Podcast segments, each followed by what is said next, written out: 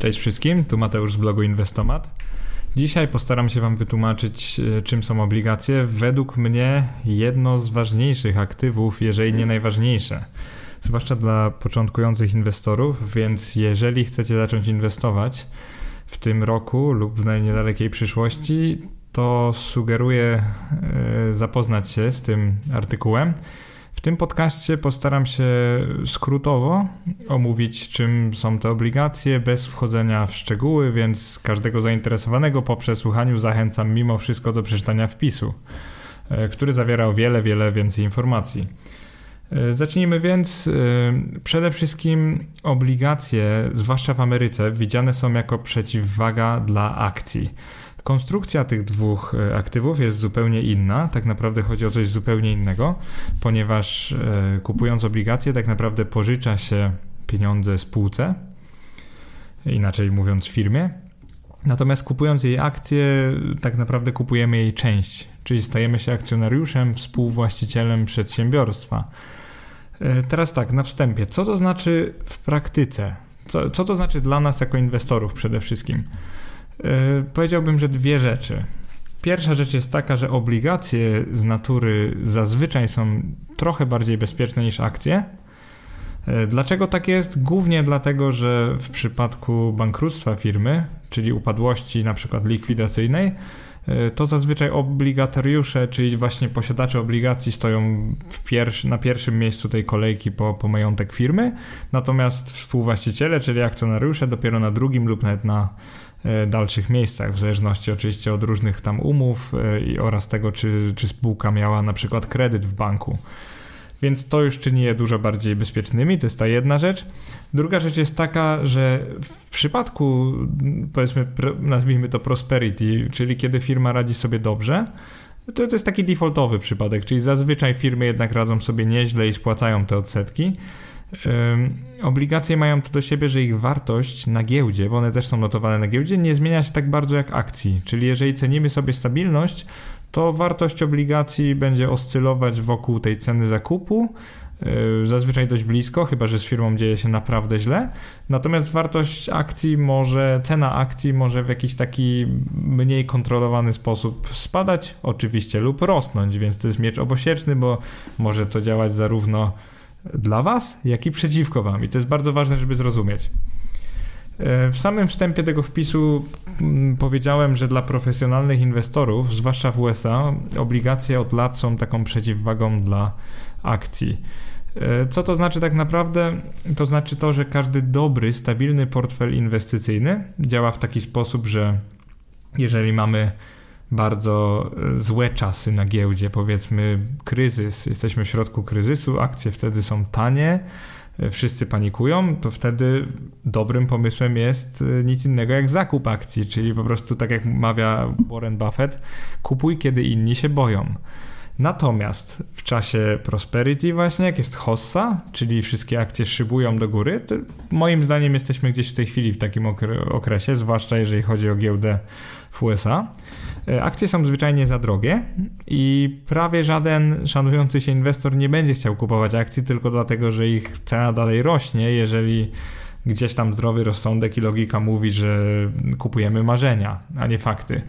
Więc w takich czasach prosperity zdecydowanie mądrzejszym jest cashować, powiedzmy, sprzedawać te akcje, e, realizować zyski i kupowanie obligacji za te pieniądze zyskane na akcjach ponieważ obligacje, nawet w przypadku kryzysu, ich wartość, tak jak mówiłem, może tymczasowo spadnie, jednakże jeżeli firma przetrwa tą zawieruchę, to po tych paru latach e, pieniążki z obligacji do nas wrócą. Dlatego we wstępie uważam, że są przeciwwagą dla akcji i każde dobre portfolio inwestycyjne powinno tak naprawdę posiadać przynajmniej część właśnie tego aktywa. E, czym obligacje są? Najprościej mówiąc w tym podcaście, żeby nie przedłużać, są one pożyczką dla firmy. Dość podobne do kredytu, jednakże różni je to, że kredyt jest zwykle, kredyt właściwie jest zawsze udzielany przez bank lub konsorcjum banków, a obligacje mogą być udzielane przez jakiegokolwiek inwestora. Mogą być, być to inwestorzy profesjonalni, na przykład duże fundusze, e, albo inwestorzy indywidualni, tak jak my, zwykli mali akcjonariusze. E, jeżeli chodzi o Polskę, to polecam kilka serwisów. We wpisie znajdziecie detale, tam znajdziecie notowania takich obligacji oraz bardzo dobry blog www.rynekobligacji.com, który naprawdę serdecznie polecam.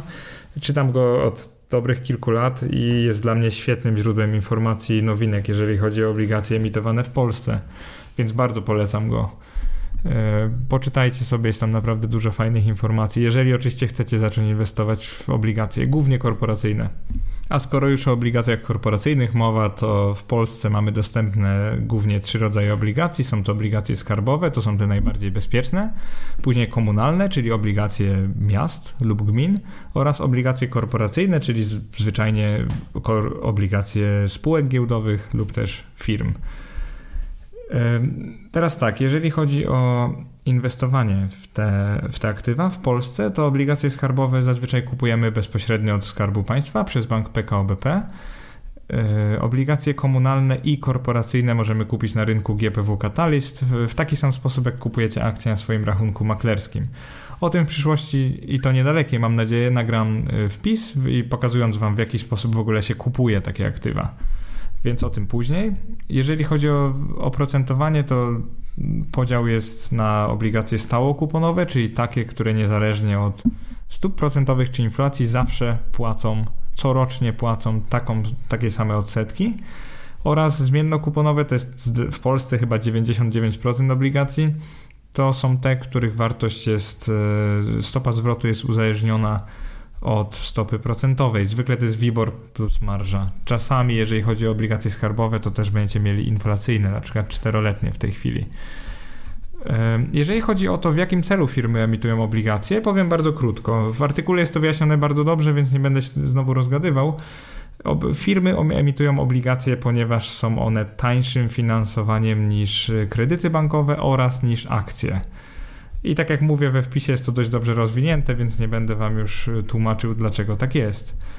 Mm, firmy mogą się niejako rozwijać na sterydach za pomocą obligacji, bo można ich emitować całkiem sporo. Oznacza to dla firmy o wiele, wiele szybszy rozwój niż gdyby tych obligacji nie emitowała. Oczywiście zakładając, że spożytkuje te pieniądze we właściwy sposób. We wpisie dość fajnie w tabelce opisałem Wam przykładowo, jak nasza pizzeria z wpisu czym są akcje może się rozwinąć, y, jak szybko ona może się rozwinąć dzięki takim obligacjom. I sami zobaczycie, że z czterech pizzerii y, w 5 lat dosłownie zrobi się 11 czy 12 plus te obligacje można rolować, więc tak naprawdę na długi, długi okres można się tak finansować. Teraz tak, Dlaczego niektóre firmy mogą płacić inwestorom na przykład 2 albo 3%, a inne muszą płacić 10%? Jest to dość proste, zależy to oczywiście od y, ryzyka takiej inwestycji. No i od czego to ryzyko jest zależne? Przede wszystkim jest to renoma firmy, jej rating i historia kredytowa. Czyli wielka spółka będąca na rynku od lat y, naturalnie ma dość dużą, duże uznanie w oczach inwestorów, ma dużą wiarygodność i po prostu może sobie pozwolić na finansowanie o takim niskim koszcie 2,5-3%, takim wręcz bliskim do obligacji skarbowych. Natomiast jeżeli pomyślicie, że mamy jakiś mały startup, spółkę z New Connectu, taką kilkumilionówkę tak zwaną, naprawdę spółkę raczkującą, do tego, która nigdy nie wykazała zysków, to jak myślicie, jak wiele będzie ona musiała zapłacić inwestorom, żeby w ogóle chcieli takie obligacje kupić? No i tutaj odpowiedź brzmi, tak patrząc na historię, jest to zazwyczaj koło 10, czasami nawet 12%. Niestety dla takich obligatariuszy kupowanie takich papierów nie zawsze się kończy się dobrze. I o tych przykładach też będę pisał w innych wpisach, ale należy uważać na to oprocentowanie. Czyli jeżeli Wam się podoba póki co i chcecie inwestować w obligacje, to naprawdę uczulcie się na to, że no, są pewne firmy, które muszą zapłacić tak dużo inwestorom, że co naprawdę podważa ich wiarygodność i nie chcecie takim firmom pożyczać pieniędzy. Więc myślcie o tym. Drugim kryterium są zwyczajnie wyniki finansowe firmy. Jest to już logiczne. Czyli możemy mieć nawet dość świeżą firmę, powiedzmy na rynku od 3 lat, ale od tych 3 lat biznes jest prowadzony bardzo stabilnie i ta firma ma fajne, wysokie zyski. Na przykład marże na poziomie 15-20%. Oczywiście w zależności od branży może to być dobrze lub, lub mniej dobrze, ale to też działa oczywiście na, na audytoriusza i, i bank w ten sposób może nadać takim obligacjom po prostu więcej wiarygodności, zrobić lepszą reklamę i oczywiście uzyskać niższe, lepsze dla firmy oprocentowanie. Jeszcze jest trzeci faktor, trzeci czynnik, który wpływa na oprocentowanie obligacji, jest to czas ich trwania, czy ten cykl życia. Oznacza to, że niektóre firmy lub państwa pożyczają pieniądze na rok, inne na pięć i tak dalej, i tak dalej, więc im dłuższy jest ten okres, na który pożyczasz e, firmie pieniądze, naturalnie, tym wyższe zazwyczaj będzie oprocentowanie, ponieważ dłuższy okres oznacza wyższe ryzyko. I teraz sobie pomyślcie w ten sposób. Firma taka jak McDonald's, w tej chwili, jeżeli o niej myślicie, jest bardzo wiarygodna, to jest wielka firma, wielkie zyski, istnieje od lat. Pomyślcie sobie tak, pożyczyć pieniądze firmie McDonald's na 3 lata, no brzmi rozsądnie, tak? Szansa, że McDonald's upadnie w ciągu 3 lat jest bardzo nikła. Prawdopodobnie bliska temu, że byłby koniec świata. Ale pomyślcie sobie inaczej. Pożyczyć pieniądze firmie McDonald's na 50 lat i z jednej strony McDonald's istnieje od wielu, wielu lat i pomyślicie sobie, no może to nie jest najgłupszy pomysł. Z drugiej strony 50 lat to praktycznie no, większość okresu życia każdego człowieka. Kilka dekad i tak naprawdę wszystko się może, może stać z tą firmą, więc oczywistym jest, że jeżeli McDonald's oferowałby takie obligacje na 50 lat, to musiałby zaoferować inwestorom wyższe odsetki. Przejdźmy więc do najważniejszej części tego podcastu, czyli te podstawowe różnice między obligacjami a akcjami. W artykule też znajdziecie tabelkę, to jest przed samym podsumowaniem. I teraz tak, tak jak wcześniej wspominałem, obligacje są o wiele lepiej zabezpieczone. Zazwyczaj, więc w przypadku bankructwa jesteście bezpieczniejsi. Dlatego w pewnym sensie tutaj mają przewagę nad akcjami. Z drugiej strony, jeżeli chodzi o stopy zwrotu obligacji, to zazwyczaj ograniczone są do ich tak zwanego kuponu, czyli tych odsetek, które dostajecie co kwartał lub co roku. W Polsce zazwyczaj co roku. Ale oczywiście zależy o jakich obligacjach mówimy, bo skarbowe mają co roku, korporacyjne zazwyczaj co kwartał lub co pół roku, więc to, to bardzo zależy co kupujecie. E, stopa zwrotu z akcji natomiast jest w pewnym sensie nieograniczona. Bywały przypadki, że w ciągu roku akcjonariusz zarobił dwukrotność lub trzykrotność nawet swoich e, tych zainwestowanych pieniędzy. Z drugiej strony akcje mogą spaść nawet o 90% w ciągu roku. Na razie nie będę, nie będę dawał przykładów, ale wierzcie mi, że w ciągu każdego roku jest całkiem sporo takich spółek, które zwyczajnie bankrutują, radzą sobie bardzo źle i potrafią spaść na przykład z ceny akcji 100 zł na, nie wiem, złotówkę lub nawet mniej. Jeżeli chodzi o obligacje, to jest to naprawdę rzadkość. Nawet spółek, które są zagrożone tak e, bankructwem w ten sam sposób, zazwyczaj ich cena spada na przykład ze 100 zł do 40 lub 50. Oczywiście zależy w jakiej są sytuacji, no ale wyobraźcie sobie, że rzadko kiedy naprawdę tracimy prawie cały kapitał, jeżeli inwestujemy w obligacje. Czy jest to dla Was pocieszenie, czy nie, to jest inna sprawa, ale jest to fakt. Jeżeli chodzi o ryzyko inwestycyjne, w gorszej koniunkturze, tak jak przed chwilą wspomniałem, utracimy zazwyczaj najwyżej kilka procent, a być może nic. Jeżeli doczekamy się po prostu tego właśnie maturity po angielsku, czyli tego momentu wykupu obligacji, nie stracimy niczego. Czyli emitent, ta firma, która nam sprzedała obligacje, zwyczajnie zobowiązuje się oddać to samo, co jej pożyczyliśmy na początku. Jeżeli chodzi o akcje firm, to zauważcie, że jak kupujemy akcje, firmy nam niczego nie obiecują. One po prostu sprzedają nam swoją część lub swoje części i mówią, jesteśmy ze sobą teraz na dobre i na złe. Jesteś naszym współwłaścicielem, więc jeżeli będzie źle, to oczywiście te akcje będą mniej warte. Może nikt nie chcieć od ciebie ich kupić drożej, więc nie masz żadnej gwarancji. Jeżeli chodzi o prowizję maklerską, to handel obligacjami jest troszkę tańszy niż akcjami. Mowa tutaj o prowizji typowo 0,19% każdej transakcji. E, dla akcji jest to dwa razy więcej, tak typowo 0,38%. I oczywiście mówię o polskich domach maklerskich, więc za granicą może być zupełnie inaczej, a także platformy tradingowe mogą mieć o wiele inne, na przykład niższe takie prowizje, więc oczywiście nie bierzcie tego za taką złotą zasadę.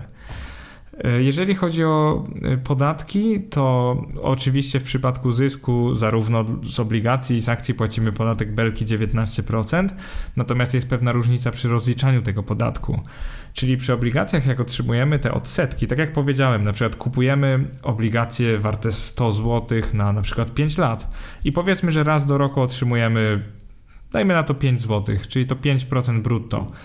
Działa to w ten sposób, że zanim te 5% otrzymamy, tak jak powiedziałem, zanim te 5 zł otrzymamy, to bank, to dom maklerski pobiera od nas ten podatek belki, tak jakby, czyli on to odciąga i później y, po prostu wpłaca urzędowi skarbowemu, czyli nie musimy tego już sami robić. W przypadku akcji natomiast, jeżeli mamy jakieś zyski, przykładowo kupujemy akcje za 100 zł, i sprzedajemy je po, dajmy na to miesiącu za 110, to z tego zysku, z tej różnicy między 110 a 100, czyli z tych 10 zł, musimy zapłacić państwu 19%. Ten właśnie podatek belki. Czyli złoty 90 idzie do państwa. Pytanie, kiedy musimy to zapłacić państwu? Wtedy, kiedy rozliczamy PIT. To jest PIT 38 i rozliczamy go zwyczajowo około właśnie stycznia, lutego, tam do kwietnia, jeżeli dobrze pamiętam, każdego roku. Oczywiście rok poprzedni. I to też sprawia, że obligacje są trochę bardziej przyjazne dla początkujących inwestorów, bo jeżeli kupujecie po tej cenie emisyjnej, bo tak jak powiedziałem 100 zł, i otrzymacie 100 zł na końcu po tych paru latach, to tak naprawdę nie musicie niczego aktywnie rozliczać. Bank zrobi wszystko za was, czyli w tym, w tym picie nie będziecie tak naprawdę umieszczać niczego, bo bank już rozliczy się za was. I to jest niewątpliwie plus dla ludzi, którzy nie lubią finansów, nie lubią liczyć i nie chce im się po prostu składać pitu samemu. Mimo, że od zeszłego roku, z tego co pamiętam, już pity składają się automatycznie, to czasami moglibyście chcieć zrobić jakieś korekty własnoręcznie, więc w przypadku inwestowania tylko w obligacje i bez notowania zysków takich spekulacyjnych, czyli przykładowo, gdy kupujecie obligacje firmy, która bardzo źle sobie ostatnio radzi, na przykład za 50 zł kupujecie obligacje o wartości 100 zł, ale jednak ta firma przetrwa i po paru latach odda wam 100 zł, to zauważcie, że osiągnęliście w tym momencie zysk te 50 zł to jest zwyczajnie zysk, od którego państwo będzie się domagało podatku 19%. I tego podatku już dom maklerski za was nie zapłaci. Czyli pamiętajcie, że jeżeli chodzi o obligacje, to automatyczny podatek zapłaci za was dom maklerski jedynie z tych odsetek. To jest bardzo ważne. E, teraz troszkę podsumowania, bardzo krótko. E, ubolewam niejako nad tym, że ten rynek obligacji nasz, korporacyjnych, GPW Catalyst, mimo że powstał 10 lat temu, ponad 10 lat temu, bo w 2009, jak to nagrywam, już mamy 2020, to niestety spóźnił się mocno w stosunku do giełdy akcji, czyli GPW, która powstała wiele, wiele wcześniej, tak naprawdę zaraz po transformacji. I co to znaczy? Znaczy to, że polscy inwestorzy oswoili się z akcjami, rozumieją je, rozumieją, co znaczy inwestowanie w akcje, ale zwyczajnie no, nie interesują się tym rynkiem obligacji, uważają je za być może trochę nudne, może trochę zbyt stabilne, y, może trochę zbyt mało spekulacyjne, że tak powiem, teraz nawiązując do poprzedniego wpisu, poprzedniego podcastu. Niestety, dlatego że sam uważam obligacje za podstawę każdego dobrego portfela inwestycyjnego. Prędzej czy później każdy inwestor powinien się nimi zainteresować i są one naprawdę bardzo fajnym aktywem inwestycyjnym. E, dodatkowo powiem Wam na sam koniec, że ja traktuję obligacje jak taką lepszą lokatę, to jest taka lokata, lokata na sterydach. Oczywiście zakup obligacji jest trochę trudniejszy niż zwykłe założenie lokaty, bo musicie znaleźć taki ticker, czyli skrót takiej spółki i musicie się trochę dowiedzieć, tak, w jaki sposób to się robi, więc to nie jest takie od razu hop siup. Ale z drugiej strony, jak poświęcicie trochę czasu i się nauczycie analizować właśnie takie papiery i kupować je, to efekty waszego portfela będą o wiele lepsze niż jakbyście wszystko zawsze trzymali na lokatach. I co mam na myśli mówiąc wiele lepsze? W tym roku, gdybyście założyli jakąkolwiek lokatę, to prawdopodobnie w najlepszym wypadku otrzymalibyście, myślę, 3% brutto, czyli netto minus podatek belki będzie to jakieś bardziej 2,4% około, czyli o wiele, wiele mniej. Jeżeli chodzi o obligacje skarbowe i korporacyjne, gdybyście mądrze połączyli te dwa aktywa i zainwestowali te same pieniądze właśnie w takie wybrane obligacje, to spokojnie moglibyście oczekiwać stopy zwrotu bliższej 5-6% brutto. Czyli znowu netto jest to trochę mniej, bardziej 4,5, ale weźmy 4,5 do 2,4, jest to prawie dwukrotnie wyższa stopa zwrotu. Stąd uważam, że jeżeli chcecie się nauczyć giełdy, jeżeli chcecie się nauczyć inwestowania na giełdzie, to nauka o obligacjach, tego w jaki sposób w nie inwestować, czym one są, to co właśnie przeczytacie w tym artykule, trochę więcej, po co firmy to robią i jak, jest absolutną podstawą, więc bardzo zachęcam do przeczytania tego wpisu. E, widzę, że zmieściłem się dzisiaj w 20 minutach, bardzo się cieszę. E, od razu Wam mówię, że w przyszłości chciałbym mieścić się w 15, a może nawet 10, bo podcast ten chciałbym traktować jako taki tylko wstęp do każdego artykułu, który jedynie Was zachęci do, do jego przeczytania, a nie jako zamiennik plus najczęściej pewnie nie macie za dużo czasu. Rozumiem, bo sam jestem bardzo zabieganym człowiekiem, więc takie 20 minut to jest idealnie, maksymalnie 20 minut, żeby przysłać sobie to w samochodzie czy w komunikacji miejskiej. Bardzo dziękuję za wysłuchanie tego podcastu. Zapraszam na bloga oraz na jego stronę na Facebooku. Zostawiajcie tam komentarze, wysyłajcie mi wiadomości, zapiszcie się do newslettera. W ten sposób nigdy nie przegapicie nowych wpisów i oczywiście dawajcie znać, o czym jeszcze chcielibyście przeczytać. Dzięki, cześć.